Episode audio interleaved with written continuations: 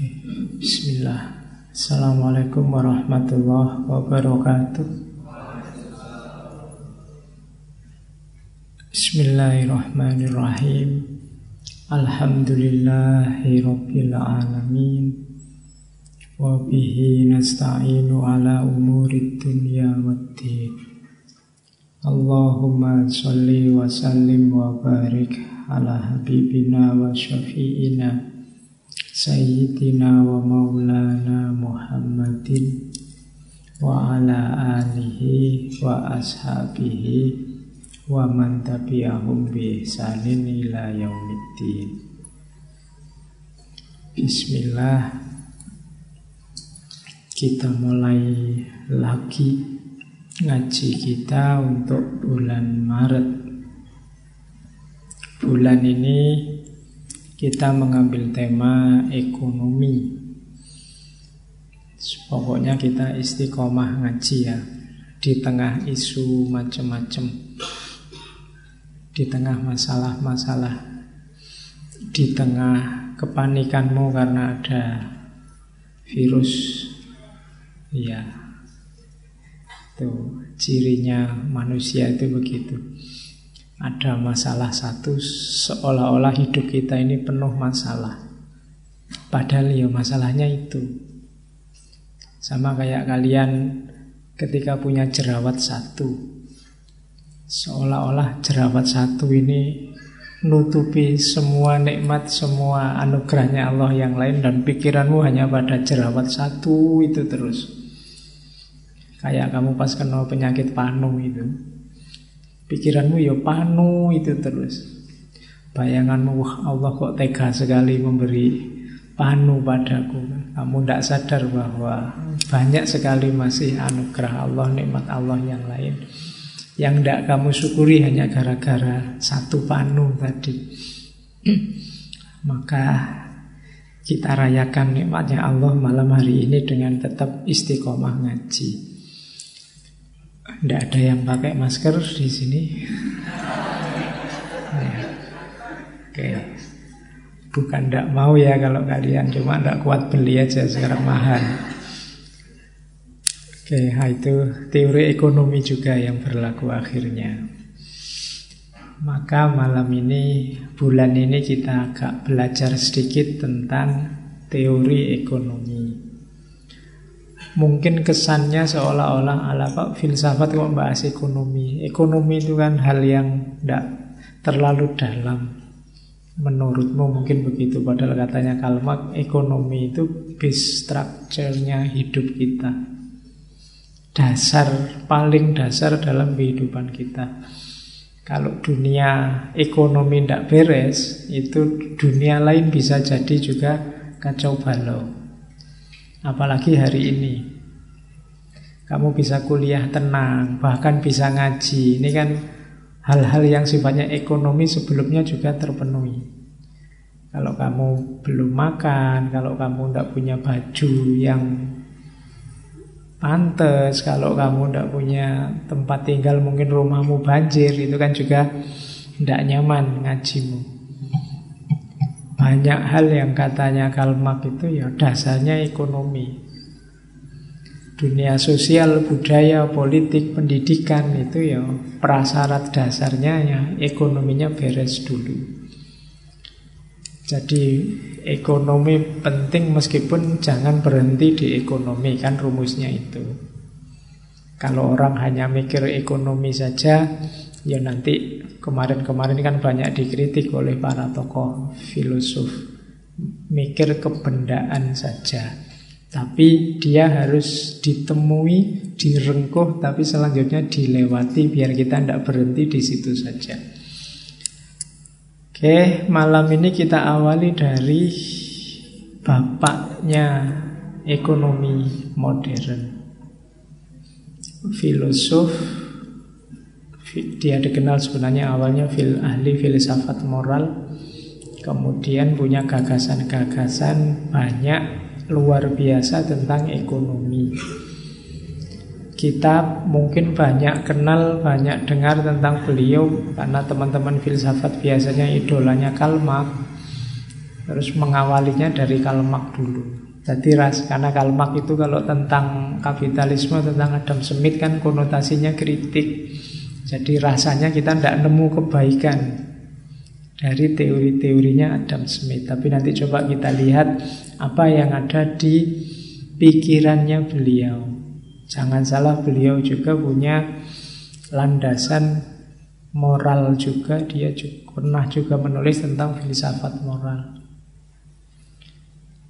Lahirnya di Skotlandia abad 18, beliau lahir 1723, nanti meninggalnya 1790. Tidak perlu diragukan lagi ketokohannya. Sebenarnya tulisannya banyak, tapi nanti banyak tulisannya yang beliau musnahkan sendiri menjelang beliau meninggal. Ya malam ini karena kita belajar ekonomi ya kita ambil dari The Will of Nation-nya lebih banyak. Meskipun nanti dari beberapa referensi yang lain juga kita ambil. Kemudian beliau ini masuk grupnya para filosof yang tidak menikah. Ya, jadi ya tidak harus ditiru yang itunya ya. Kamu menikah saja. Kalau katanya Socrates kan menikah saja. Kalau tidak cocok nanti kamu jadi filosof. Nah, Adam Smith ini mungkin karena ingin jadi filosof saja maka dia tidak. Khawatir cocok nanti nggak jadi filosof. Oke, kita awali ya. Langsung saja Adam Smith ini adalah anak awal modern abad 18 ketika beliau memproduksi gagasan-gagasannya tentang ekonomi ada tiga situasi penting saat itu. Yang pertama revolusi industri. Kalau pakai hitung-hitungan kita hari ini ini revolusi industri era era 10 sekarang kan kamu menyebutnya 40 Era 10 itu ya eranya mesin uap. Orang mulai kenal mesin uap, nanti era 2.0 itu eranya listrik 3.0 eranya komputer, robot, otomatis 4.0 hari ini ya kita menyebutnya Internet of Things. Apa-apa sudah dikendalikan internet termasuk urusan data. Nah ini beliau masih era revolusi industri awal yang berawal di Inggris. Jadi itu konteksnya. Jadi era ketika mulai muncul korporasi-korporasi, pabrik-pabrik, mulai dikenal mesin-mesin, alat-alat produksi efektivitas, produktivitas meningkat tajam. Karena orang mulai kenal mesin. Itu yang aspek ekonominya. Secara politik ya settingnya adalah revolusi di Inggris, revolusi Amerika, revolusi Perancis. Kemudian yang paling penting adalah era berpikir yang dikenal sebagai antroposentrisme atau ya hasilnya antroposentrisme itu nanti antara lain individualisme bahwa manusia dihargai sebagai manusia sampai ke unit individu. Jadi setiap orang itu berharga setiap orang punya hak untuk berpikir sendiri, punya gagasan sendiri, punya cita-cita sendiri, mengekspresikan diri seperti yang dia inginkan. Nah, itu sebenarnya kan perkembangan dari era sebelumnya. Era sebelumnya itu kan era agama-agama besar yang cenderung teosentrisme. Pusatnya ada di Tuhan atau era era ke belakang lagi sebelum teosentrisme itu era Yunani, Romawi itu nanti dikenal kosmosentrisme. Nah, orang modern itu terkenal antroposentris. Pusatnya peradaban, pusatnya alam itu ya manusia. Di antara buahnya antroposentris itu individualisme. Kalian sebagai manusia itu berharga sampai ke level individu. Nanti gagasan ini nanti dikenal sebagai humanisme modern. Nah, urean-urean semacam ini kalian boleh setback dulu ngaji-ngaji filsafat era-era awal. Saya langsung ke gagasan-gagasannya Adam Smith.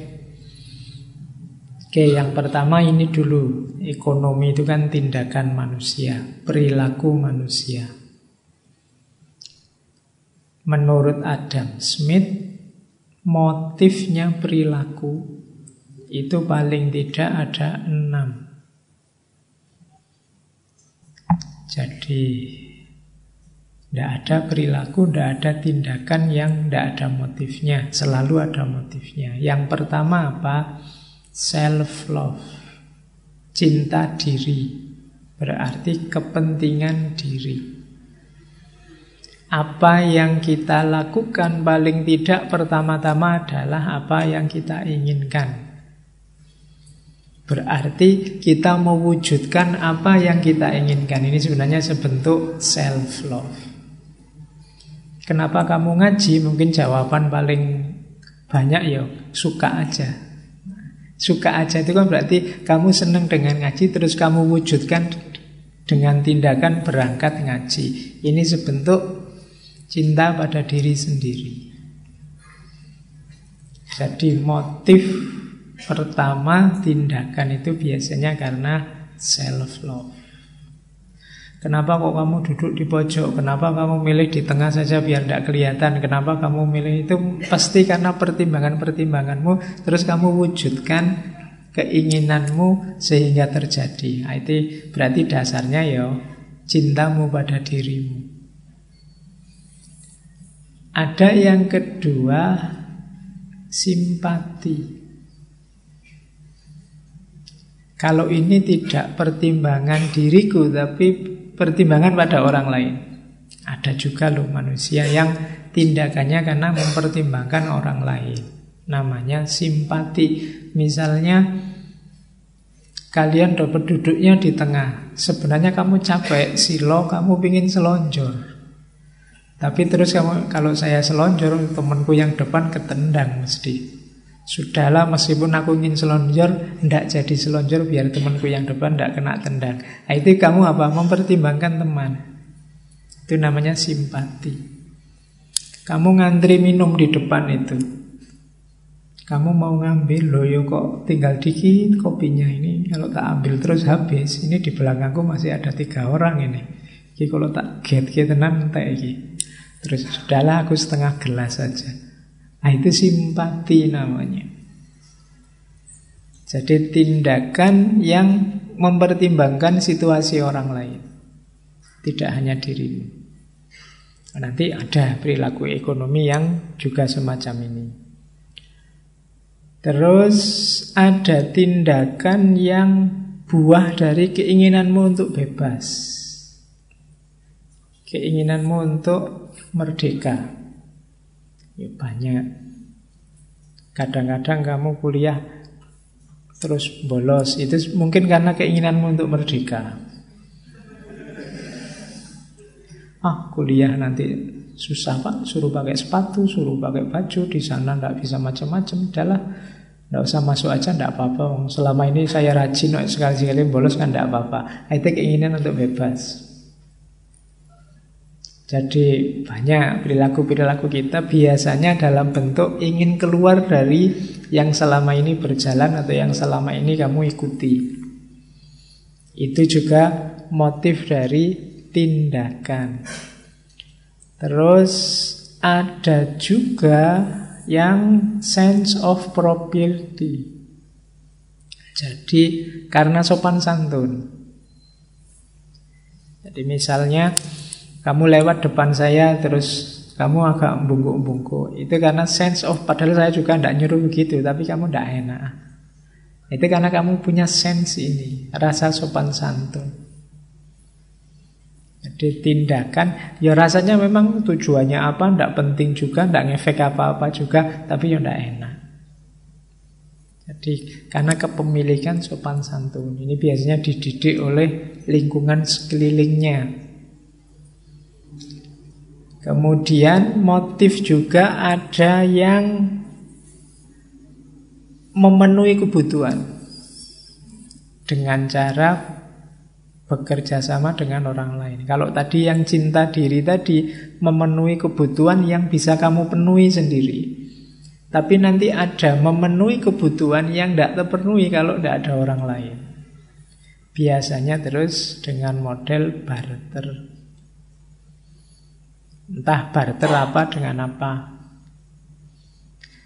Aku butuh untuk didengar, kamu butuh untuk mendengar. Ini kan barter, meskipun ya ndak enak di aku capek. Kamu tinggal dengerin. Tapi ini kita sama-sama butuh sebenarnya.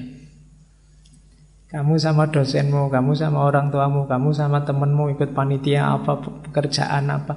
Itu kan kita saling butuh, saling barter. Jadi ada tindakan yang untuk memenuhi kebutuhan tapi membutuhkan keterlibatan orang lain. Jadi motifnya sama sebenarnya kayak self love tapi butuh orang lain. Kemudian yang terakhir ada motif adalah mengejar cita-cita dan kepentingan secara bebas. Jadi kalau tadi kan ingin membebaskan diri, sifatnya freedom of, kalau yang terakhir ini ingin melakukan sesuatu sifatnya freedom for, bebas untuk. Oh, kalau ini butuh kecerdasan, butuh kreativitas. Bebas dari lebih gampang. Tapi bebas untuk tidak bisa sembarangan. Kayak mahasiswa misalnya Silahkan kamu nyari judul makalah sendiri bebas. Itu kamu biasanya malah bingung. Enaknya apa ya pak? Ada usulan enggak pak? Kan mesti kamu gitu. Ini bebas, padahal kamu sudah dibebaskan Tapi bebas untuk itu memang butuh kreativitas, butuh kecerdasan. Kalau bebas dari lebih gampang. Jadi bebas dari kuliah kan enak. Bebas dari aturan lebih gampang. Asal kamu tidak begitu sudah bebas. Tapi begitu bebas untuk Nah, orang mulai berpikir harus ngapain. Jadi ada enam motif tindakan kalau kita ingin melakukan sesuatu biasanya tidak lepas dari enam ini. Tindakan ekonomi itu juga bisa masuk di enam motif ini. Kadang-kadang memenuhi kebutuhanmu sendiri, kadang-kadang dalam konteks dermawan, membantu orang lain, kadang-kadang dalam rangka bebas dari aturan-aturan yang mengunggung, kadang-kadang untuk sopan santun, basa-basi, kadang-kadang untuk dalam rangka kerjasama dengan orang lain atau melakukan kreativitas-kreativitas. Jadi ada enam motif tindakan. Terus sekarang asumsi pertama tentang alam. Ini Adam Smith ini anak zamannya. Zaman revolusi industri, zaman mesin, maka melihat alam semesta ini seperti mesin. Mesin itu kan satu sistem yang utuh yang setiap komponennya penting punya peran sendiri-sendiri. Membacanya tidak bisa parsial. Karena apa? Setiap unsurnya saling mempengaruhi. Sama seperti mikrofon ini ada tataannya, ada tiangnya, ada mikrofonnya. Ini kan satu sistem. Bukan hanya mikrofonnya saja, bukan hanya tiangnya saja, bukan hanya tataannya saja. Tiga-tiganya penting. Jadi ini satu alam itu juga seperti ini. Jadi alam itu saling berkait, saling berhubungan. Lihatlah dia sebagai satu seperti mesin besar. Ya, mesin yang sumbernya dari Tuhan. Katanya Adam Smith, ada Tuhan, ada ilahi yang berkebajikan, bijaksana, abadi, merencanakan dan mengatur mesin raksasa alam semesta demikian sepanjang masa untuk menghasilkan jumlah kebahagiaan yang sebesar mungkin. Dengan demikian dunia itu sempurna. Kita menjalani hidup di dalam yang terbaik dari semua dunia yang mungkin. Jadi katanya Adam Smith, dunia yang kita tinggali ini dunia versi terbaiknya dunia. Jadi nyari yang kayak gini kembarannya susah wis. Dalam hal apa pun boleh diuji. Sebenarnya ini pernyataan filosofis para filosof abad tengah, para filosof Yunani juga banyak yang bilang seperti ini. Kan banyak sekarang upaya-upaya mencari kembarannya bumi. Sampai hari ini tidak ketemu. Jadi berarti kita hidup di dunia yang versi the bestnya Versi terbaiknya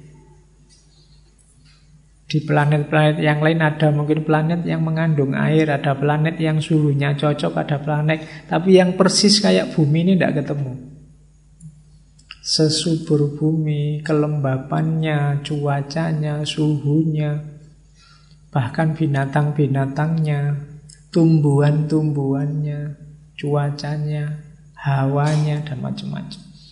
Jadi kita hidup di dunia versi terbaik. Jadi alam ini mesin. Nanti ketika masuk ke sistem ekonomi juga teorinya juga modelnya seperti mesin. Jadi ada strukturnya, ada sistemnya. Nanti beliau disebut bapak ekonomi modern karena beliaulah orang pertama yang merumuskan sistem ekonomi. Kalau sebelumnya ekonomi ya dilakoni wae kamu kerja untuk duit terus buat belanjani keluarga terus habis cari lagi kan cuma itu tapi diteorikan dengan detail itu diawali dari Adam Smith. Nanti teorinya dikenal sebagai teori kelompok klasik. Jadi teori klasik tentang ekonomi.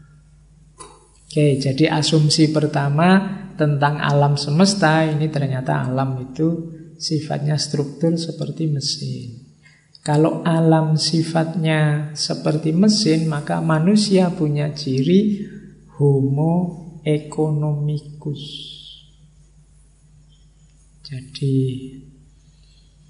Homo economicus itu manusia adalah makhluk yang bersifat individual yang harus dapat memenuhi kebutuhannya sendiri, harus diusahakan. Dia butuh kerja, butuh kreativitas, butuh daya upaya untuk memenuhi kebutuhannya. Makanya dia disebut homo economicus. Kalau makhluk selain manusia tidak bisa. Makhluk selain manusia itu dasarnya insting. Kan banyak orang mengkritik kamu kalau males kerja dibandingkan sama binatang. Ayam aja mau keluar rumah dapat makanan. Masa kamu tidak bisa kan kita sering begitu. Tidak, kalau manusia tidak seperti binatang. Kalau kalau binatang pakai instingnya. Kalau manusia pakai akalnya untuk memenuhi kebutuhan Dia harus berusaha, dia harus kreatif, mereka yasa, mereka daya Karena dia makhluk ekonomi. Makananmu bukan bukan sesuatu yang siap kamu telan begitu saja Kecuali makanan tertentu. Kamu kan yo nasi, yo lauk, yo sayur, macam-macam wis. Nasi aja ya jenisnya ya macam-macam. Kamu rekayasa ada nasi sekarang ada nasi putih, nasi merah, nasi hitam, nasi goreng, nasi kuning, macam-macam teori. Kalau binatang kan tidak kenal diversifikasi semacam itu. Ayam itu ya beras, dikasih beras ya mau aja. Tiap hari dikasih beras juga mau. Dia tidak pernah protes. Tidak pernah mbok yo sekali-sekali ya ganti nasi goreng, tidak pernah dia minta rawon nanti kan tidak. Dia harus manut wae. Makanannya itu ya itu. Beda sama manusia. baju, kamu cek sepanjang peradaban manusia seperti apa orang merancang penutup tubuh. Wis macem-macem. Namanya, modelnya, bentuknya. Jadi manusia itu homo economicus. Peradaban kita dasarnya ekonomi. Kemudian ada kalimat bagus dari Adam Smith, man is an animal that, that makes bargains. No other animal does this. No dog exchange bones with another. Manusia itu binatang yang melakukan bargaining.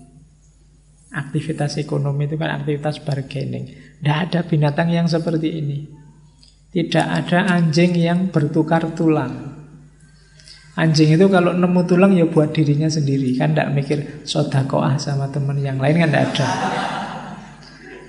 Juga tidak mikir bertukar. Aku tiap hari kok dapat tulang jenis ini Kamu kok dapat tulang jenis itu Tukeran yuk tulangmu yang itu buat aku Tulangmu yang ini Tidak ada binatang begitu.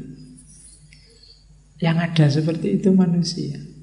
Jadi di antara ciri bahwa manusia itu makhluk ekonomi, dia melakukan bargaining. Jadi saling bertukar. Kita itu hampir 90% aktivitas kita itu bargaining. Kamu datang ke sini ingin mendapat apa meskipun kamu mengorbankan apa. Jadi kamu memberikan apa untuk dapat apa. Kamu kuliah itu kamu memberikan apa? Mungkin bayar SPP, mungkin beli buku. Karena kamu ingin mendapatkan apa. Jadi aktivitas ekonominya manusia yang kita lakukan itu ya sebenarnya aktivitas bargaining, memberikan apa untuk mendapatkan apa. Kadang beragama kan juga bargaining kan. Saya ingin melakukan amal ini biar dapat ini. Biar masuk surga di lantai yang kesekian, biar nanti dapat 72 bidadari, biar itu bargaining, bargaining. Makanya agama itu sering ngajak boyo ikhlas gitu. Maksudnya jangan terjebak di jual beli ini, jangan terjebak di bargaining ini. Tapi memang ya kita ini homo economicus. Kadang-kadang wiritan dihitung ini dibaca 1114 kali. Wah, kamu ke mana-mana ngitung. Pakai yang anu itu kan, otomatis dicetak-cetak itu. Nanti kepejet iseng tadi nol lagi susah lagi kamu. Loh, dapat berapa tadi maunya? Karena kamu bargaining, kamu tidak mau rugi. Kalau sudah 1114 kali ya pas sudah, jangan ditambah itu. Nanti kita sudah dapat nanti rewardnya, ditunggu aja kan gitu. Nah, bargaining, logikanya logika memberikan apa untuk dapat apa. Jatuh cinta kan kadang juga gitu kan, kamu bargaining. Yo mosok capek-capek antar jemput tiap hari nggak dapat apa-apa. Ayo, pikiranmu kan begitu. Jadi kamu ingin dapat apa? Karena kamu sudah memberikan apa? Kadang-kadang ya mungkin hanya memberikan tenaga atau memberikan perhatian, memberikan apa. Kamu ingin dibales. Jangankan yang besar-besar. Yang kecil-kecil aja kan kamu ingin dibalas. Kalau kamu kirim WA tidak dibalas kan marah. Mosok di read tok tidak di reply misalnya. Jadi manusia itu homo economicus cirinya apa? Bargain. Di luar manusia tidak ada yang seperti ini. Binatang tidak bargaining. Binatang itu ya jatuh cinta ya jatuh cinta, suka ya suka, tidak ada kamu dapat apa, aku dapat apa. Yang dilakukan binatang sesuai instingnya, seperti saya bilang tadi. Tapi kalau manusia, ada pamrihnya. Ada yang diincar. Jadi ini yang dibaca oleh Adam Smith. Terus Nah, terus dibacalah oleh Adam Smith ada tahap-tahap perkembangan ekonomi ini sepanjang sejarahnya manusia. Ada masa berburu, ada masa bercocok tanam, berternak, atau nomadic agriculture, ada masa perdagangan, feudal farming, dan hari ini masa perindustrian, commercial interdependence. Masa perburuan zaman primitif dulu, orang masih sederhana, masih belum ada transaksi-transaksi formal. Yang ada orang masih bergantung pada alam. Berburu dimakan, ambil buah dimakan, pokoknya hanya memenuhi kebutuhannya sederhana. Masyarakat primitif Nanti naik satu level masyarakat petani Bercocok tanam Kalau ini sudah menetap Kalau yang pertama tadi masih nomad di level 2 ini sudah menetap. Sudah mulai banyak kebutuhannya. Mulai ngerti nyimpen-nyimpen barang. Nah, itu era bercocok tanam dan berternak. Tidak bisa lagi praktis kayak sebelumnya. Kadang-kadang yang kita butuhkan ada di kita ndak ada, di teman kita ndak ada. Tapi yang pas teman kita ndak butuh, dia ada, kita yang ada. Jadi akhirnya apa barter. Saya kok dapatnya teh, kamu dapatnya kopi. Aku lagi pingin kopi ya misalnya. Ya pak, saya tiap hari kopi bosan sekali-sekali pingin teh. Oh ya sudah, sekarang kita barter ya. Tehku kamu ambil, kopimu buat saya.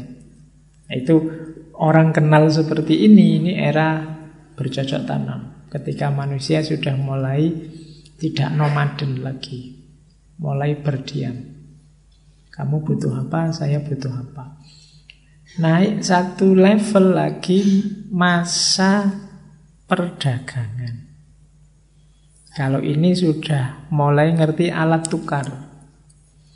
Karena kalau hanya mengandalkan barter itu kan ya rumit nanti. Kalau pas yang saya butuhkan ada di teman saya, sementara teman saya saya yang sana saya tidak kenal, kenalnya yang ini, yang dipunyai yang ini saya tidak butuh, tapi dia juga butuh barangku, dia juga tidak kan rumit. Akhirnya ya sudahlah bikin alat tukar. Ya kita kenalnya hari ini uang. Ini mulai terjadi dagang. Jadi tidak perlu, kalau saya butuh kopi, tidak perlu saya harus menukar tehku dengan kopimu. Aku pingin kopi jane, tapi aku ya suka teh. Nah, terus lahirlah alat tukar. Pakai uang beli kopi. Saya punya kopi banyak pak Nggak mungkin kan tak minum semua Di barter juga nanti mesti sisa Sisanya buat apa? Loh aku juga butuh kopi Tapi juga tidak banyak-banyak Terus di situ gunanya alat tukar. Nah, ini era perdagangan. Terus masuklah ke era industri. Kalau di era industri ini mulai lahir pabrik-pabrik, produksi-produksi. Yang kita butuhkan apa diproduksi banyak. Butuh baju diproduksi banyak di situ dengan mesin, dengan teknologi itu era perindustrian. Jadi ada empat tahap perkembangan ekonomi. Yang dibahas oleh Adam Smith ya yang terakhir ini. Ketika masuk ke era perindustrian. Oke, kita awali dari asumsi-asumsi awal. Yang pertama, ini kodrat homo economicus tadi adalah manusia itu harus bekerja. Manusia itu punya ciri harus beraktivitas untuk memenuhi kebutuhannya. Tidak bisa dia hanya mengandalkan orang lain. Jadi katanya Adam Smith, tidak ada masyarakat yang sungguh-sungguh menjadi berkembang dan bahagia apabila sebagian terbesar anggotanya berada dalam kemiskinan dan penderitaan. Di samping itu, tiada lain kecuali persamaan bahwa mereka yang makan, berpakaian, dan bertempat tinggal adalah semua orang yang secara bersama-sama harus menghasilkan dari pekerjaan mereka sendiri sehingga mereka dapat makan, berpakaian, dan bertempat tinggal secara memadai. Tidak boleh ada orang yang bercita-cita, saya cita-citanya ditolong orang lain saja lah Pak. Kamu pasti harus bekerja, beraktivitas memenuhi kebutuhan. Jadi ini prasyaratnya homo economicus. Makanya setiap orang kan nanti sesuai bidangnya masing-masing harus bekerja, harus berkarya. Di situlah nanti dia memenuhi kebutuhannya. Bahkan nanti belakangan di Kalma kan kerja itu tidak cuma memenuhi kebutuhan, tapi juga eksistensial. Maknamu sebagai manusia yang eksis itu dinilai dari karyamu, dari kerjamu. Kalau kamu tidak menghasilkan apa-apa, tidak membuat apa-apa, tidak melahirkan apa-apa, tidak memproduksi apa-apa, tidak bekerja, ya kamu tidak eksis.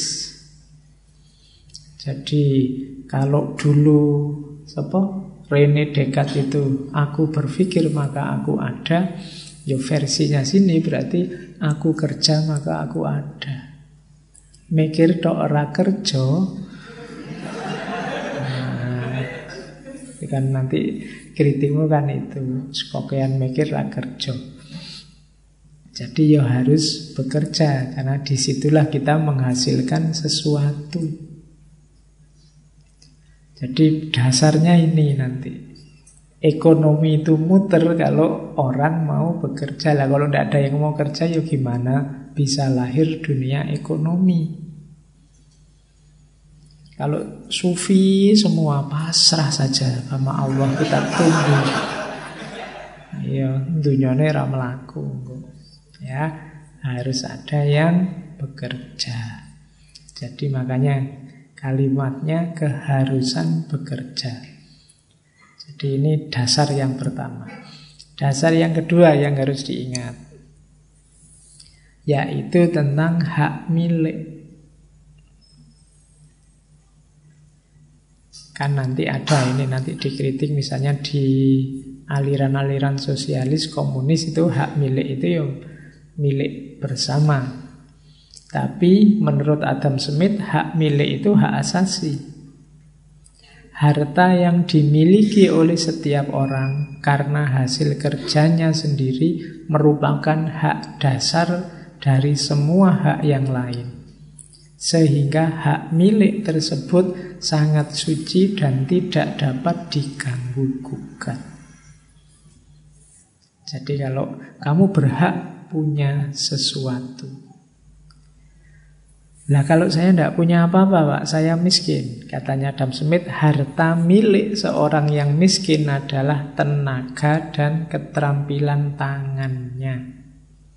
Maka melarang dia agar tidak menggunakan tenaga dan keterampilannya untuk adalah sesuatu yang melukai sesamanya jelas-jelas merupakan pelanggaran atas hak milik yang sangat suci ini. Hal itu merupakan perwujudan pelanggaran hak atas kebebasan yang adil yang dimiliki buruh dan mungkin atas orang yang ingin mempekerjakan dia. Jadi, kalau kamu punya apa-apa, ya itu hakmu. Kalau kamu tidak punya apa-apa, hakmu atas tenaga dan keterampilanmu. Orang tidak boleh menghalangimu berkarya beraktivitas menggunakan tenaga dan keterampilanmu untuk menghasilkan sesuatu. Karena itu hakmu. Kamu ingin gambar ya silahkan gambar, kamu ingin bikin rumah silahkan bikin rumah, kamu ingin nulis silahkan nulis, itu hakmu. Orang tidak boleh dihalang-halangi di sini. Jadi manusia harus beraktivitas dan dia punya hak atas aktivitas dan karyanya. Ini dua asumsi yang awal tadi ringkesnya itu. Silahkan kamu bekerja, silahkan kamu berkarya, dan kamu punya hak atas itu. Atas produkmu, atas karyamu, dan atas aktivitasmu. Meskipun nanti di antara yang dikritik oleh Kalmak itu nanti kalau dalam kasus buruh, buruh ini nanti dia tidak bisa mengklaim karyanya. Mereka sih yang bikin sepatu bermerek, tapi mereka tidak bisa bilang sepatu bermerek itu produkku. Ya, nanti di situ ada masalah nanti. Tapi sementara di titik ini Adam Smith ingin menyatakan bahwa engkau punya hak milik dan juga engkau punya hak atas keterampilan dan tenagamu. Terus, nah kalau kamu sudah mau kerja, sudah sadar hakmu, perhatikan perkembangan ekonomi. Ini mulai tentang ekonomi dipengaruhi oleh dua hal yang paling utama. Yang pertama apa? Spesialisasi, pembagian kerja.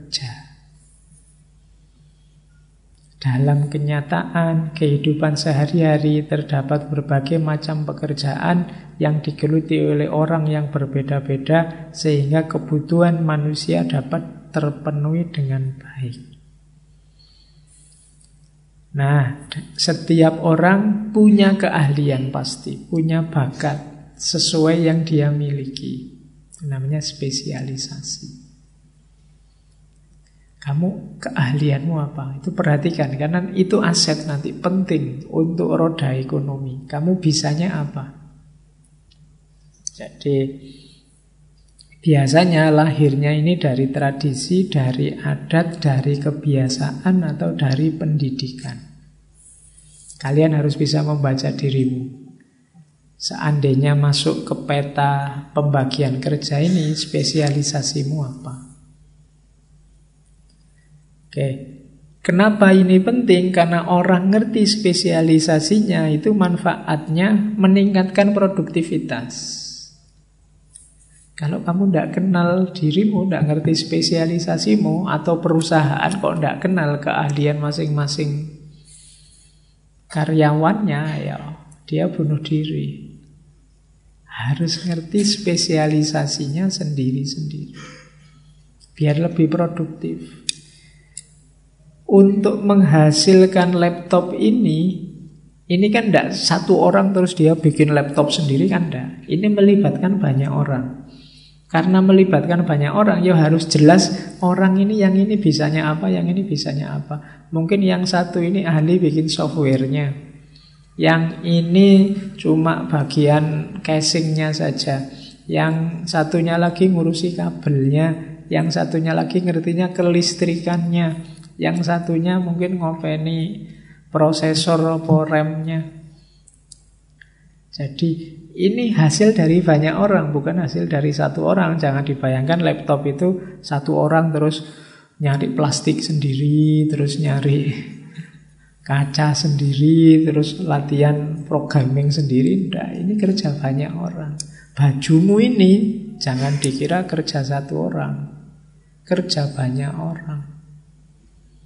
Siapa yang memproduksi kainnya, siapa yang bikin desainnya, siapa yang jahit bajunya, siapa yang menjual. Ini hasil banyak orang. Kalau tidak ngerti division of labor bisa kacau. Ya kalau zaman dulu barter tidak butuh itu. Sekarang zaman industri harus jelas pembagian kerjanya. Ya kayak kalian bikin panitia itu kan melakukan division of labor. Oh kamu bagian nerima tamu besok. Kamu yang bagian peralatan. Kamu yang bagian ini division of labor. Jangan hanya satu orang ngabei semuanya dia. Dia yang ngurusi peralatan, yang nerima tamu Ya itu tidak efektif. Begitu enak-enaknya nerima tamu Sonnya bunyi, wih akhirnya lari masuk.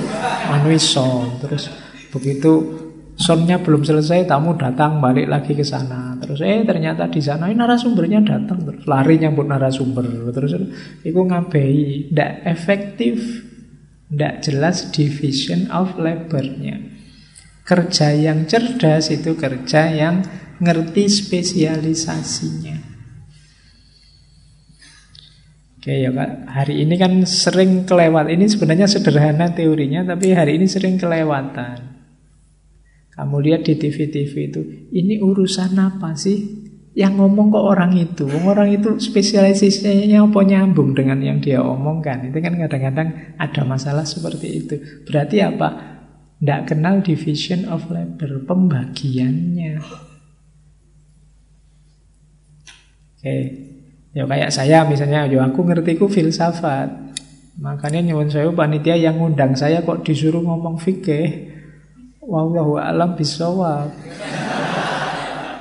ya, jangan tanya saya hukumnya ini apa Ustaz. Tanunya, loh aku ndak ngerti-ngerti ku filsafat.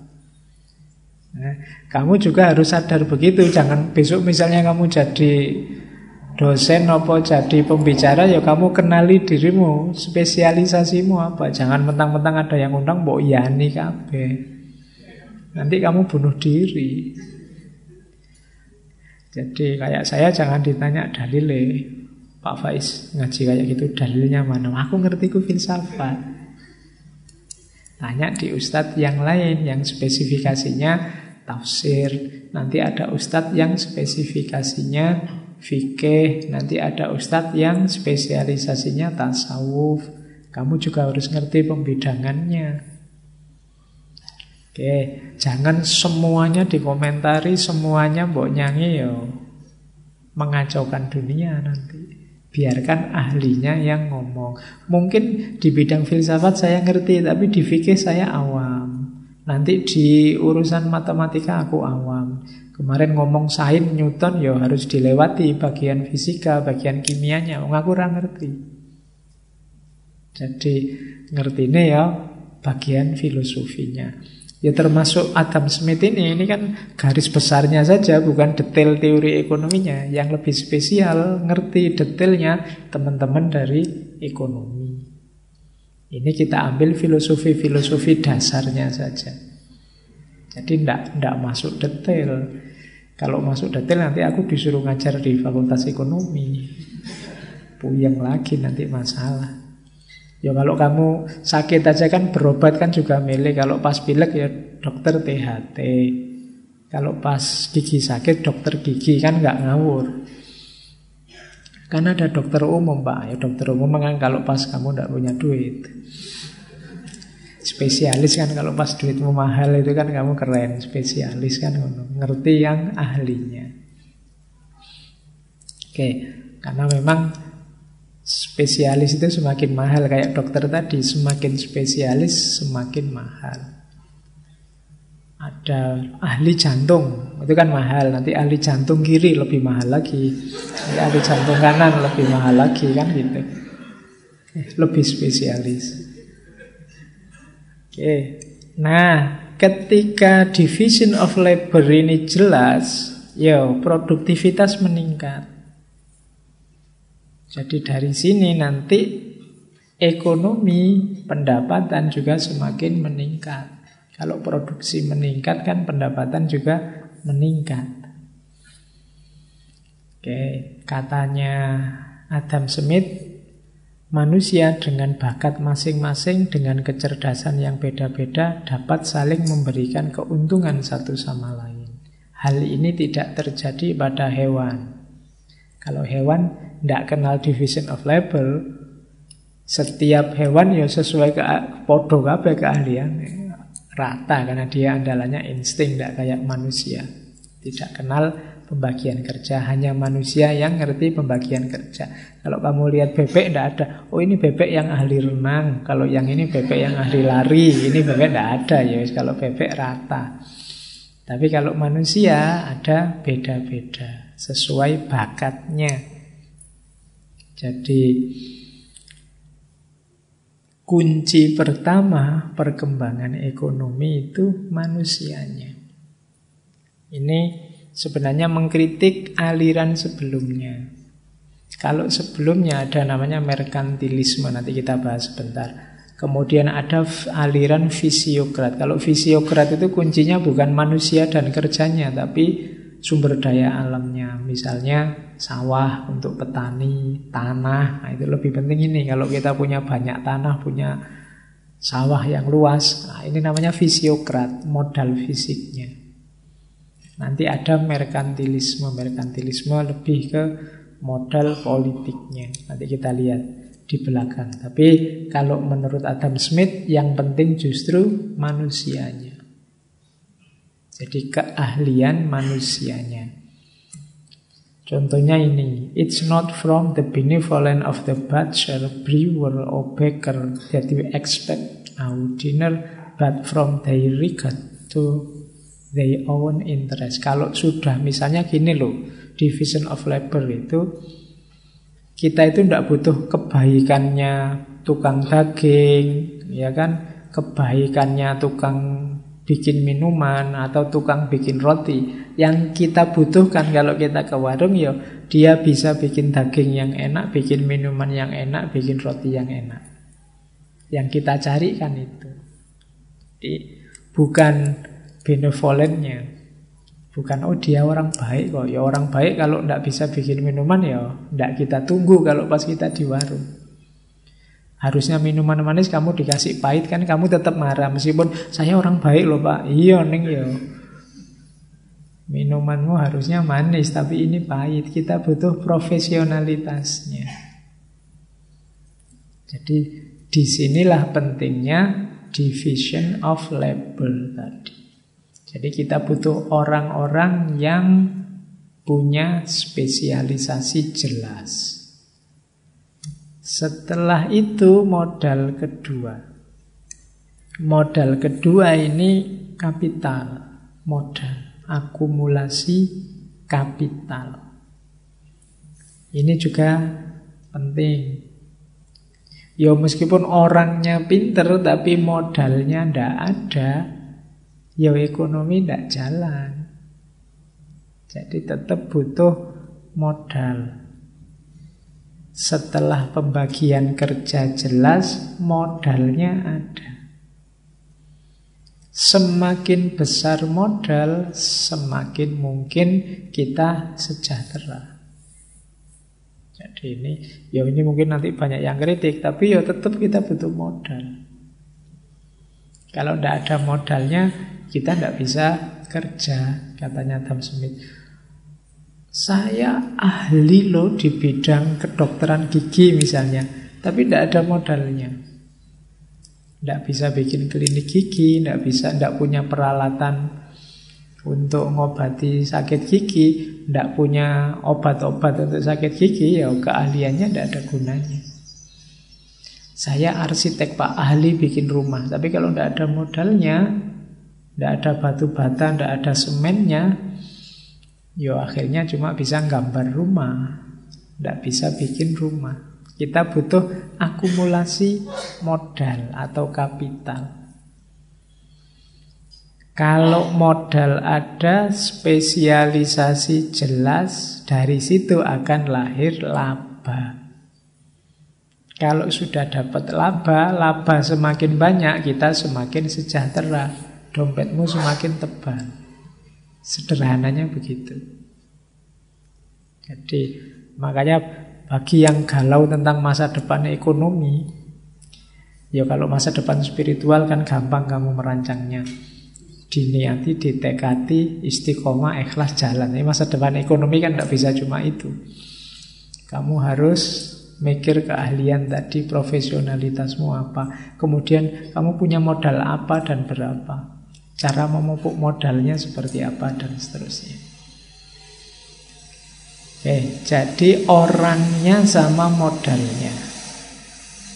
Kunci pertumbuhan ekonomi. Terus, ini kunci-kuncinya ya sebelum masuk ke teori besarnya. Nah, sekarang tentang nilai. Perhatikan dalam dunia ekonomi ada nilai real, ada nilai nominal.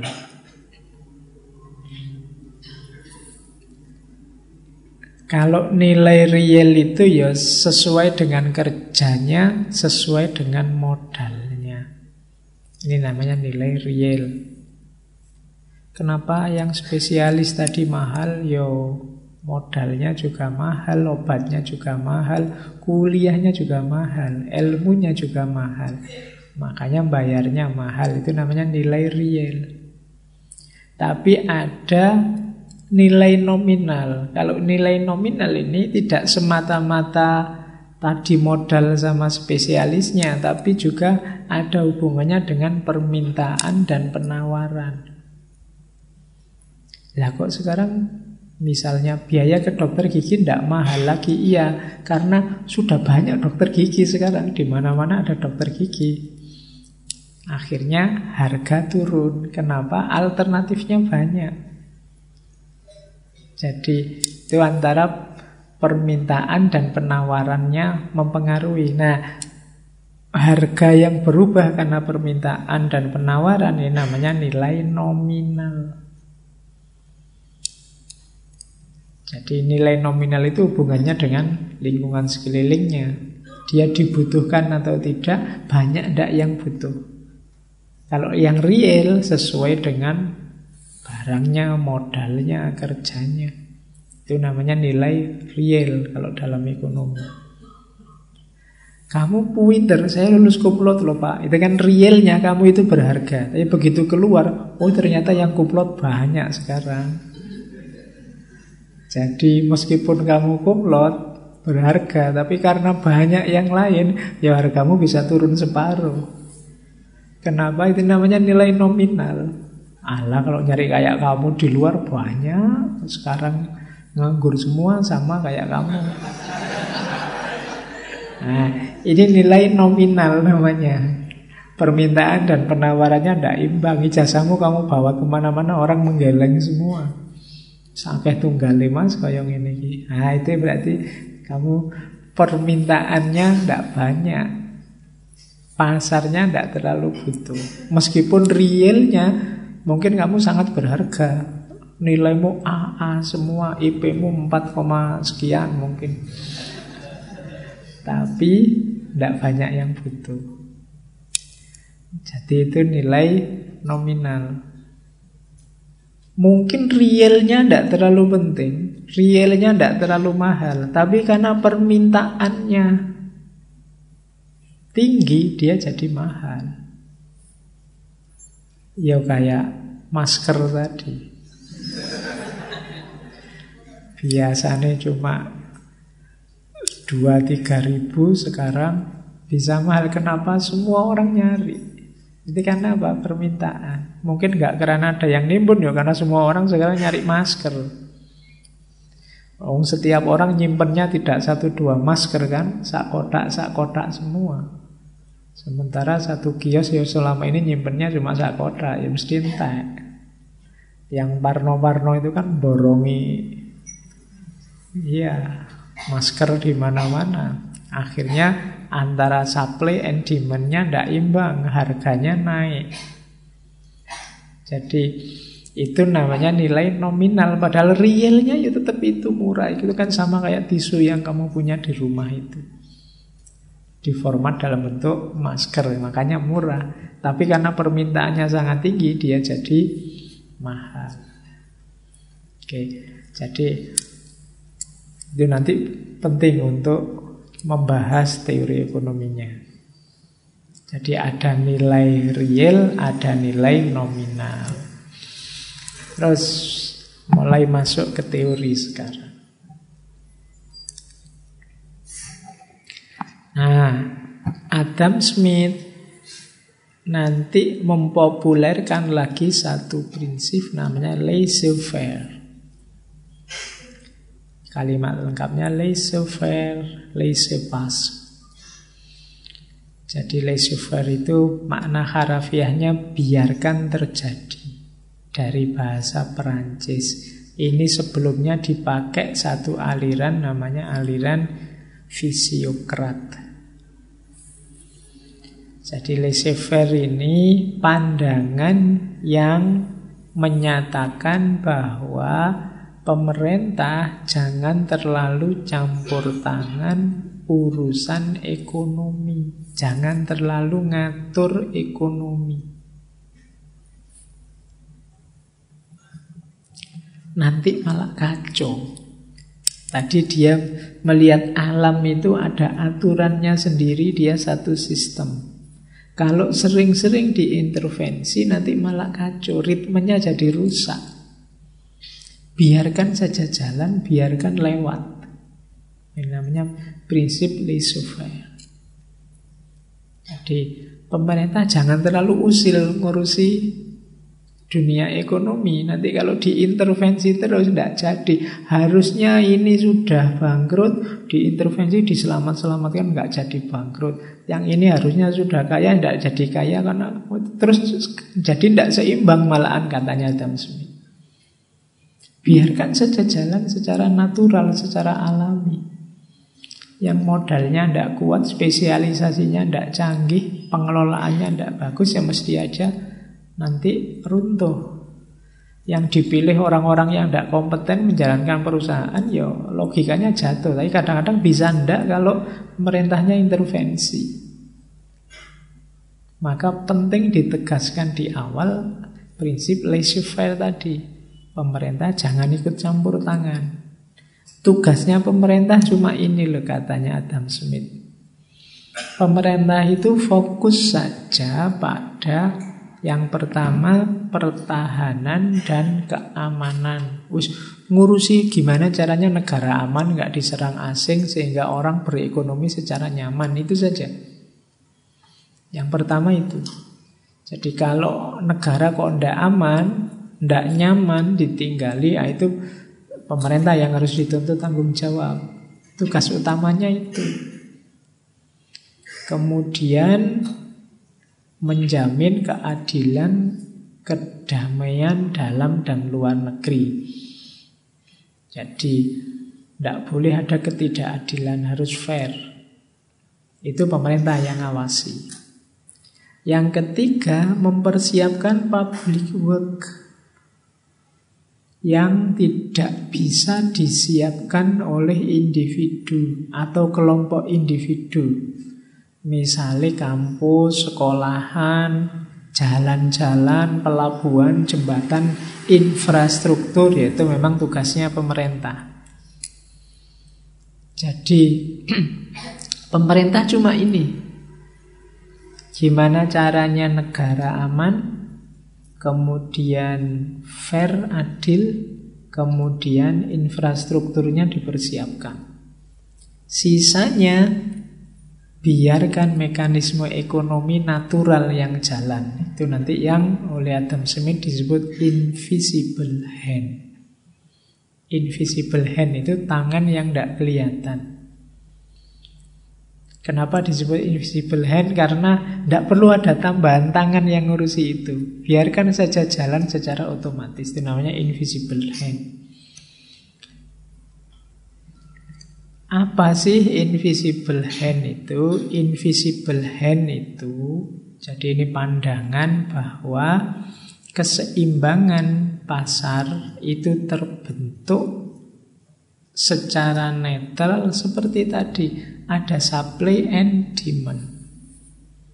Ada tawaran dan permintaan. Nah, Invisible hand itu tidak usah khawatir nanti kayak sekarang. Ada masker kok hilang. Logikanya secara natural katanya. Misalnya kok masker sekarang sangat dibutuhkan tapi jumlahnya kok sedikit. Akhirnya masker jadi mahal. Tidak usah khawatir. Secara alami kalau situasi ini jalan terus. Pasti nanti akan lahir produsen-produsen pemain-pemain baru yang bikin masker. Itu natural sudah pasti. Sebentar lagi ada pabrik-pabrik masker yang baru atau pembuat-pembuat masker, inovasi-inovasi masker yang baru. Kalau pemain-pemain baru ini sudah turun gelanggang, yang tadinya mahal mesti akan turun lagi. Kalau dia maksa mahal terus ya tidak akan laku, lebih menang pemain yang baru ini. Jadi tidak usah khawatir, tidak usah diintervensi kalau model invisible hand. Ini natural kok alami. Semakin tidak ada yang butuh, ya harganya semakin murah. Semakin banyak yang butuh, semakin mahal. Kalau kamu ngarang bikin harga misalnya, ah saya ingin cepat kaya ah. Misalnya kacamata ini harusnya harganya 50 ribu tak jual 5 juta misalnya. Dia tidak laku. Kamu jual lebih murah, laku tapi kamu rugi. Ini sudah teori-teori alami dalam dunia ekonomi. Jadi biarkan saja bertarung, berkompetisi secara fair. Pemerintah cukup lihat ini adil ndak, fair ndak, ada yang curang ndak, yang ndak boleh kan yang curang tadi. Ah itu pemerintah yang ngawasi tugasnya, tapi biarkan saja jalan dengan mekanisme supply and demand tadi. Jadi persaingan di antara perusahaan akan dapat mengarah pada pengakuan konsumen terhadap produk dan juga harga yang terbaik. Sebab produsen yang kurang efisien secara bertahap akan terlempar keluar dari pusat persaingan. Karena ada mekanisme invisible hand ini, setiap pelaku ekonomi ingin melakukan yang terbaik. Wah, aku jualan tidak usah mahal-mahal ah, tapi juga nggak boleh murah. Kalau terlalu murah rugi aku. Untuk biaya produksinya saja berapa? Akhirnya harga normal. Tapi kalau tadi ada intervensi pemerintah, misalnya ini kan yang mengacaukan ritme itu, harusnya aku tidak boleh jual mahal-mahal, tapi terus ada instruksi surat edaran dari pemerintah misalnya, harus pakai merek ini ya sudah. Ritmenya terus jadi rusak. Jadi biarkan saja sebenarnya jalan sesuai hukum alam ekonomi itu. Jangan terlalu banyak diintervensi. Itu yang disebut invisible hand. Yang selama ini terjadi ketika pemerintah intervensi apa? Monopoli. Jadi monopoli ini katanya Adam Smith ngerusak pasar.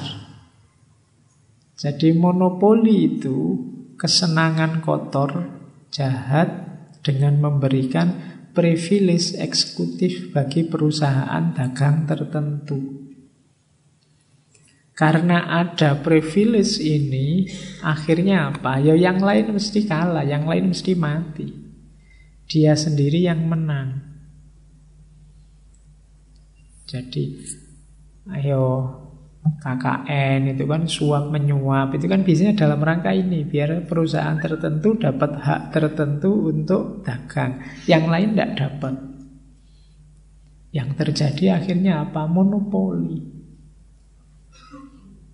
jadi menang-menangan ketika sudah biasanya monopoli ya dengan bantuan pemerintah karena ada pembelaan atau zaman dulu terkenal sekali istilah KTBLC jadi semacam nota semacam apa pemihaan untuk memenangkan kelompok dagang tertentu. Ah ini merusak pasar sudah. Kalau ada yang seperti ini mesti kacau. Kalau yang satu sudah dianak emaskan misalnya karena memberi suap tertentu, Ah, yang lain juga, oh kalau gitu tak kasih suap lagi yang lebih besar biar haknya dapat padaku. Yang lain ngasih lebih besar lagi. Akhirnya pertandingan suap-suapan. Ya, sudah tidak natural lagi sudah. Jadi harusnya pemerintah justru menghalangi adanya monopoli. Karena tidak sehat. Kalau tidak sehat ya nanti ekonominya tidak akan menyejahterakan, akan menggumpal di kelompok tertentu atau orang tertentu. Jadi ngerusak pasar. Contohnya apa? Dulu ada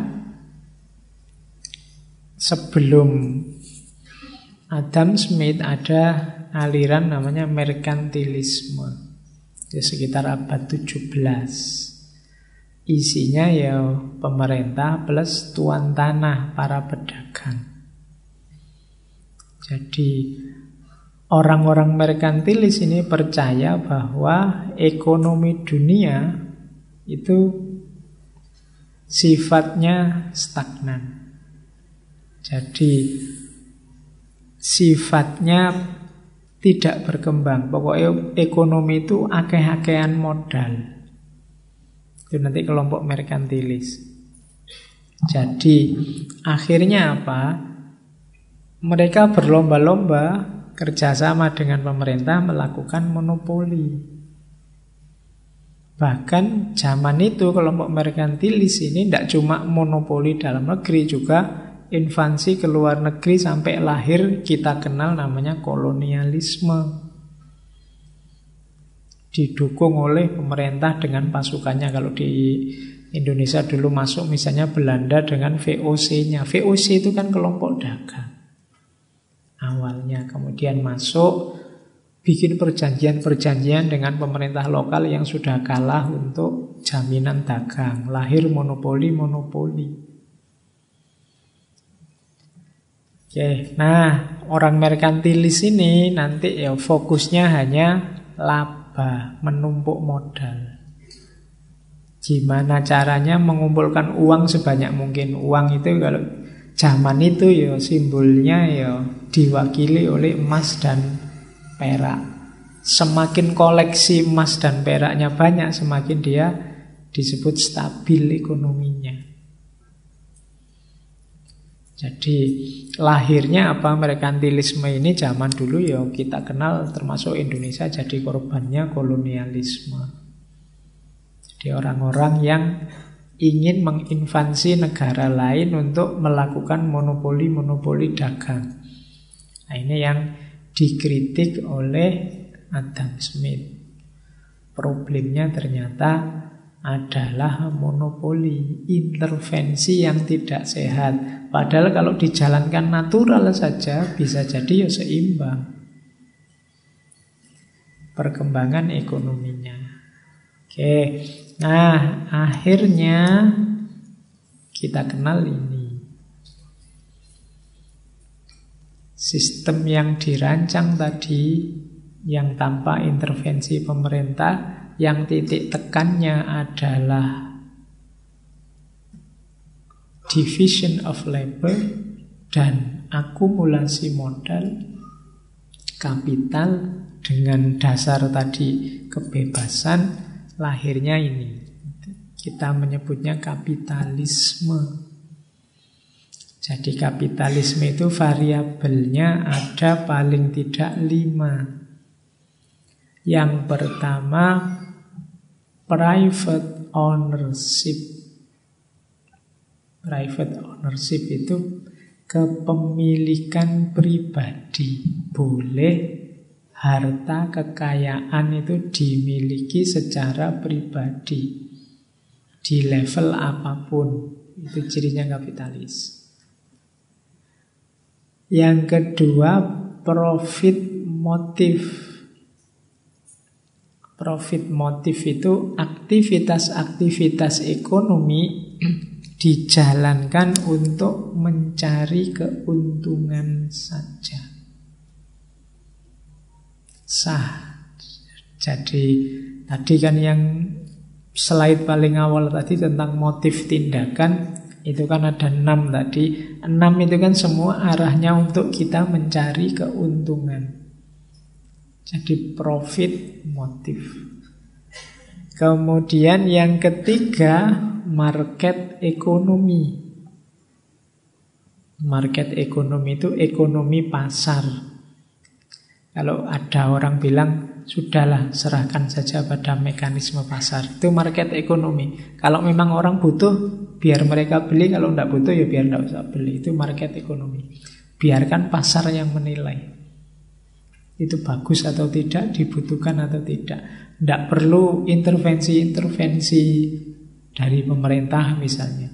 Harus ini, harus itu, jangan ini, jangan itu, tidak usahlah. Biarkan pasarnya sendiri yang menentukan dia butuh itu apa tidak. Itu namanya market ekonomi. Terus kompetisi. Kompetisi itu berarti ya bersaing saja secara sehat. Pak saya mau dagang ini pak, tapi kok sudah banyak ya yang dagang? Tidak apa-apa, kalau kamu nunggu yang belum ada dagang ya tidak ada. Semuanya sudah ada. Kompetisi aja secara sehat. Bikin strategi-strategi penjualan yang bagus. Karena memang tidak mungkin kamu masuk gelanggang pasar yang tidak ada kompetisi. Yang kamu single fighter main dewe itu rauno. Pingin jago sendiri kan kadang-kadang saya sering ketemu teman itu Pak saya pingin wira swasta, pingin dagang apa gitu loh Pak Tapi saya lihat di tempat saya itu apa-apa sudah ada ya Pak Lalu kalau kamu nyari yang tidak ada nggak jadi dagang sekarang apa yang tidak ada semuanya juga ada. Harus siap kompetisi. Jadi apalagi sekarang online, online itu apa wae ono. Kamu sumpek enak-enak jualan buku, ada yang baca. Nah, itu kan gimana ini caranya ya? Nah, itu berarti ada yang tidak adil. Kalau urusan yang tidak adil, pemerintah boleh intervensi. Harusnya kompetisi berjalan secara fair. Kemudian free, free enterprise.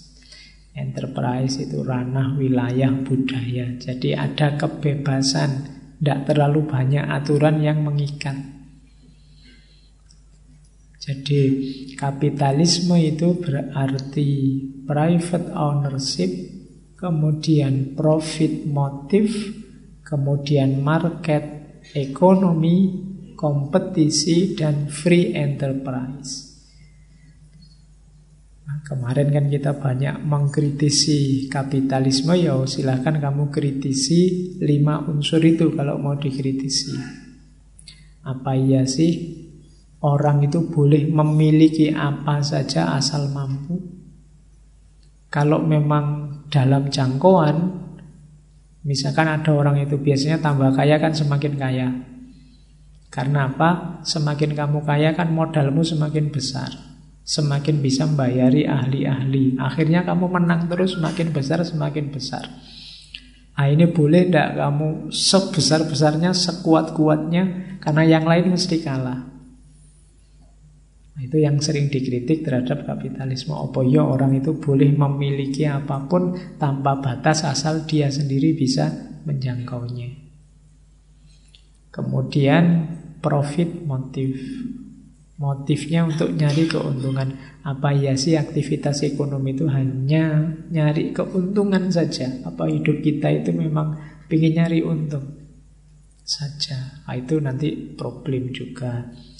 Market ekonomi juga begitu. Apa yo pasar itu selalu rasional. Kalau pas ada yang main kayak hari ini gimana? Belum lagi kompetisi, belum lagi free enterprise. Jadi inilah model ekonomi yang kita kenal sebagai kapitalisme. Terus, nah ini nyawa teorinya. Ini agak pelan-pelan ini. Kalau susu-susu kamu keliwatan. Inilah nanti economic growth, pertumbuhan ekonomi dari seorang Adam Smith.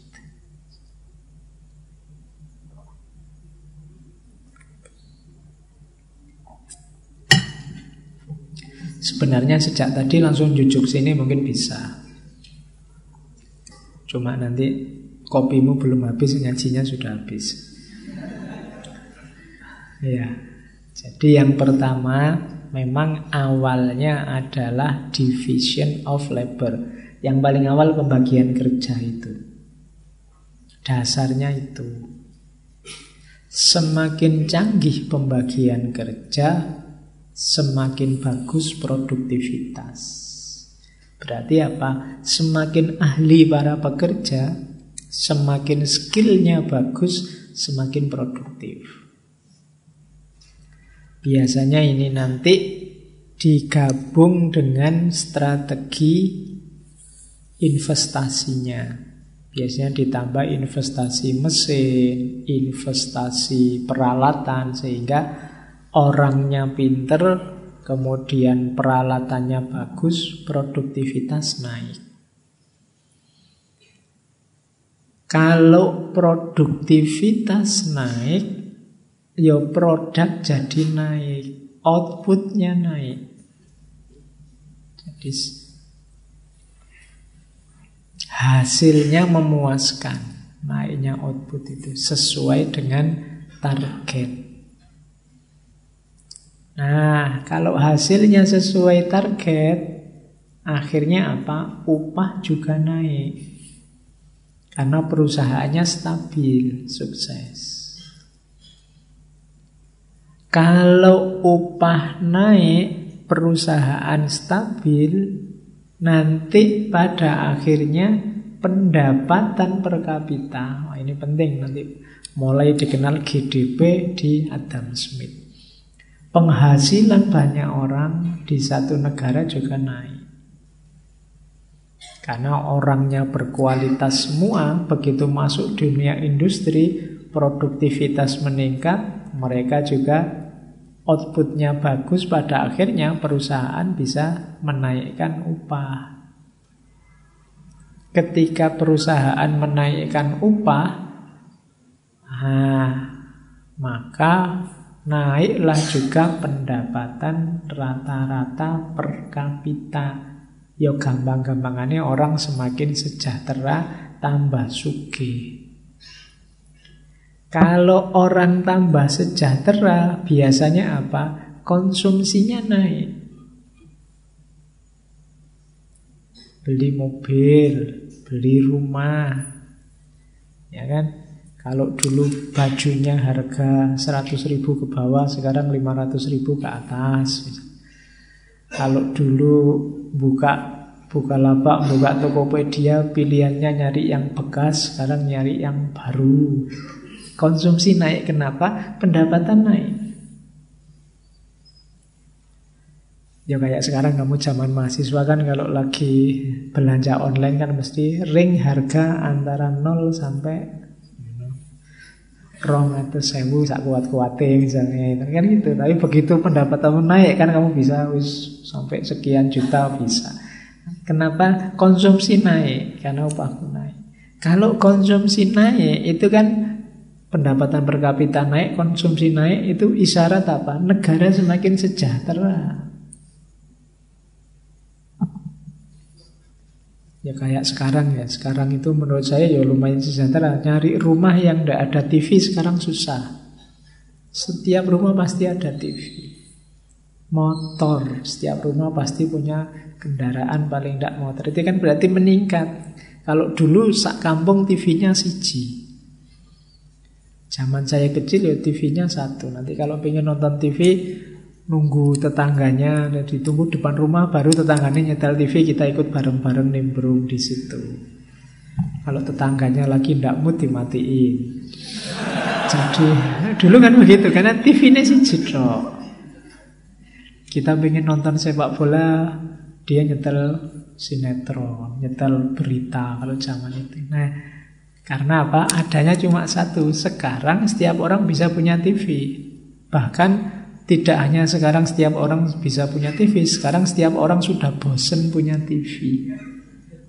TV itu sekarang jarang diputar lagi kan. Paling kamu lebih banyak HP-nan, WA-nan. Zamannya sudah berubah. Di situ kelihatan ada meningkatnya kekayaan bangsa. Kita semakin sejahtera. Berarti apa? Kalau kekayaan meningkat, kesejahteraan meningkat, akumulasi modal juga meningkat sebenarnya. Loh, ketika akumulasi modal meningkat itu nanti ada efeknya ke keahlian, muter lagi. Pembagian kerja, spesialisasi juga semakin berkualitas. Orang tambah pinter, tambah pinter, tambah ahli, tambah ahli. Kenapa sekarang ada modalnya? Ketika orang tambah ahli ya produktivitas semakin meningkat terus muter begitu. Jadi grafiknya harusnya semakin sejahtera, semakin sejahtera, semakin sejahtera. Jadi inilah siklus kapitalisme versi Adam Smith. Di sinilah negara tumbuh menjadi semakin berkembang, semakin maju, semakin maju dengan parameter ekonomi.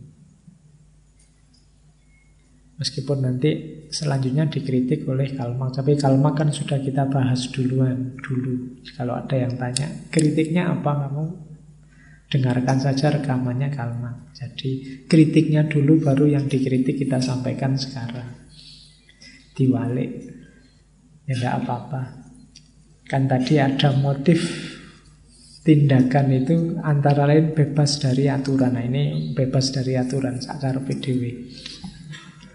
Yang kritiknya disampaikan dulu, yang dikritik baru belakangan. Jadi inilah kunci-kunci dari pertumbuhan ekonomi.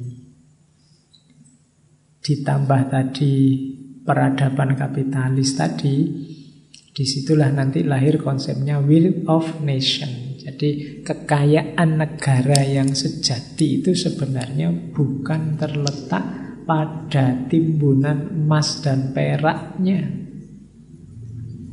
Tetapi tadi division of labor-nya yang jadi kunci.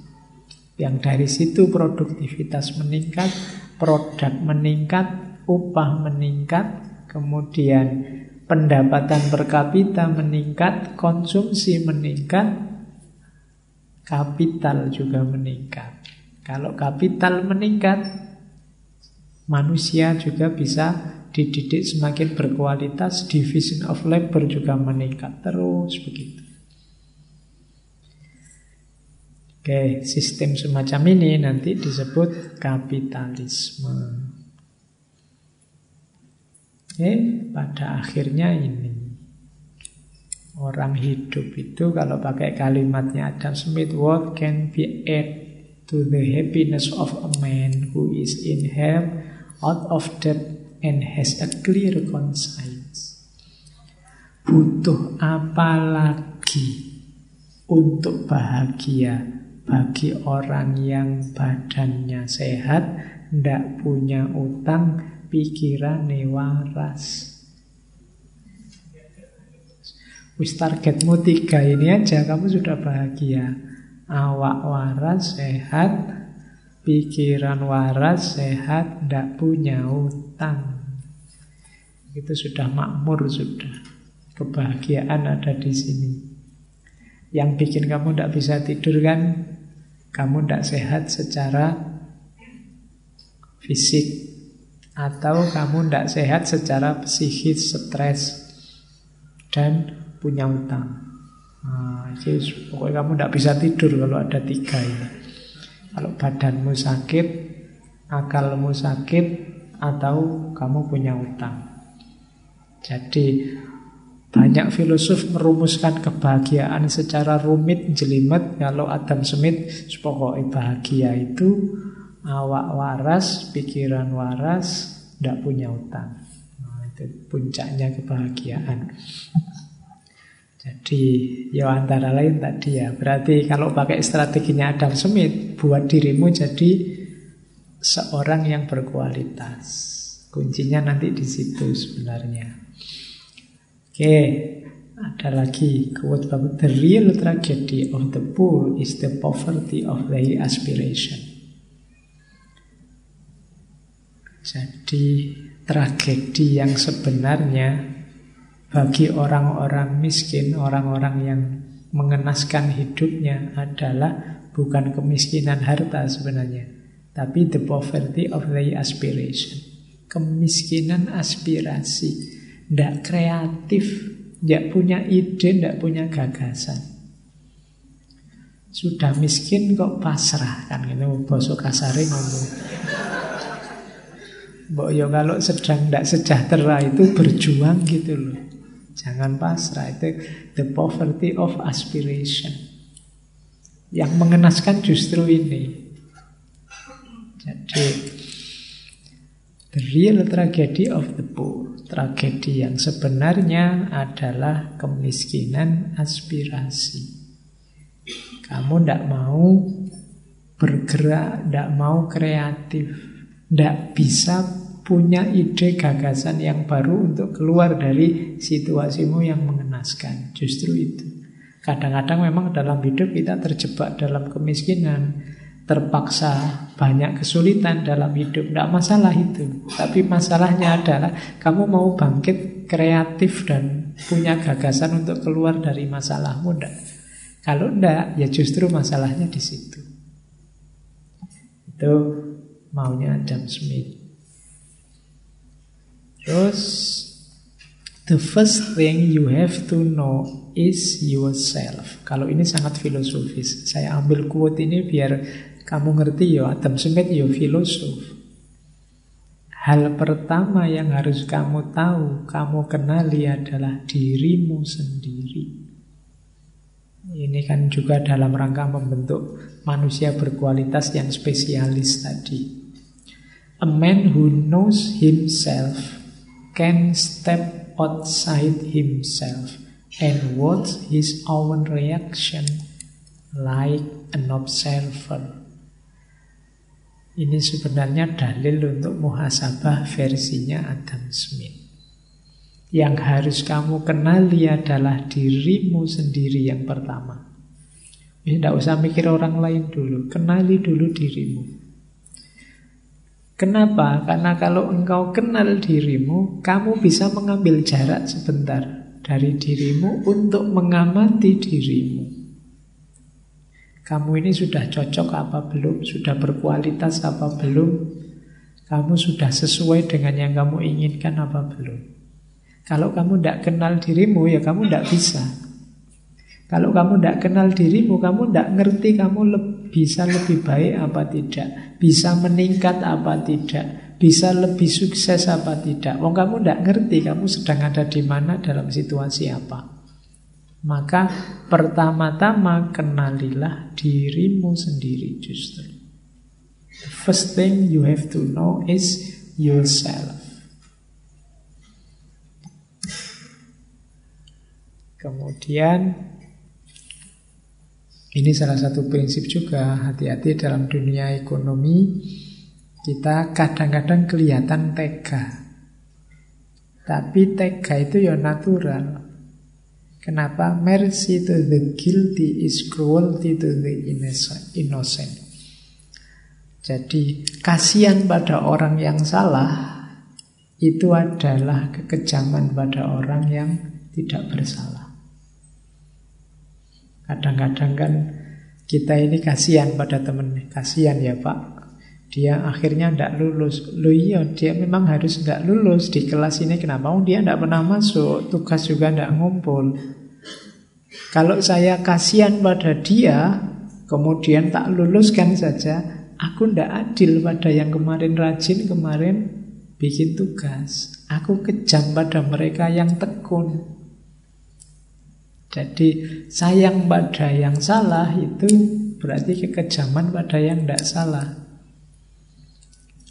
Oke, sama kayak eh, rapat kok nunggu temenmu yang tidak datang-datang. Padahal yang lain sudah banyak yang datang. Kamu harus lebih sayang pada yang sudah datang duluan daripada yang tidak datang-datang. Kadang-kadang kan karena ada yang nggak datang-datang terus kita tunggu ya yang belum datang. Lo kita sayang pada yang belum datang tapi tidak sayang pada yang sudah datang. Akhirnya dia harus nunggu. Mbok sudah wong telat ditinggal saja. Mercy to the guilty is cruelty to the innocent. Jadi sayang pada yang salah itu berarti kejam pada yang tidak salah. Jangan dibalik karena kita ini memang sering kejam pada orang yang tidak salah apa-apa. Demi kasihan ya orang ini. Ya memang salah, gimana lagi. Dia harus menanggung hukuman dari kesalahannya. Oke. Oh, ini juga Adam Smith juga punya quote tentang cinta. Man naturally desires not only to be loved, but to be lovely. Manusia itu secara alami ingin tidak hanya ingin dicintai, tapi juga ingin lovely. Lovely itu nek bahasa Jawa ini demenake. Ya, Menake mungkin bahasa Indonesia ini penuh cinta kasih. Jadi manusia itu tidak cuma ingin dicintai, tapi juga ingin jadi pribadi yang penuh kasih sayang, menyenangkan semua orang. Itu lovely. Jadi ini kalau pakai bahasa yang lain, manusia itu menemukan kebahagiaannya tidak hanya secara pasif. Pasif itu kan dicintai. Tapi juga secara aktif. Dia berekspresi yang membuat orang senang. Membuat orang suka. Itu be lovely. Jadi ini natural berarti alami. Oke, secara alami orang ingin dicintai dan ingin menebarkan cinta ke sekelilingnya. Oke ya, saya kira itu ya Adam Smith. Paling tidak kita sudah ngerti karpe ngono toh. Adam Smith itu. Tadi saya bilang detailnya ya kamu kejar sendiri. The Wealth of Nation. Bukunya ada, tinggal kamu download online pakai bahasa Inggris. Saya tidak tahu terjemahnya ada apa enggak. Kalau ada ya kamu beli saja. Jangan yang bacakan tapi. Kasihan yang nerjemah. Oke, minggu depan kita lanjutkan dengan Max Weber. Max Weber dikenal melihat ini tadi kan kita ngomong kapitalisme. Minggu depan kita lihat bagaimana spirit kapitalisme itu punya efek dalam kehidupan religius. Hubungannya dengan etika religius. Oke, saya kira itu teman-teman ketemu lagi insya Allah minggu depan. Wallahul muwafiq, wallahu a'lam bissawab. Wassalamualaikum warahmatullahi wabarakatuh.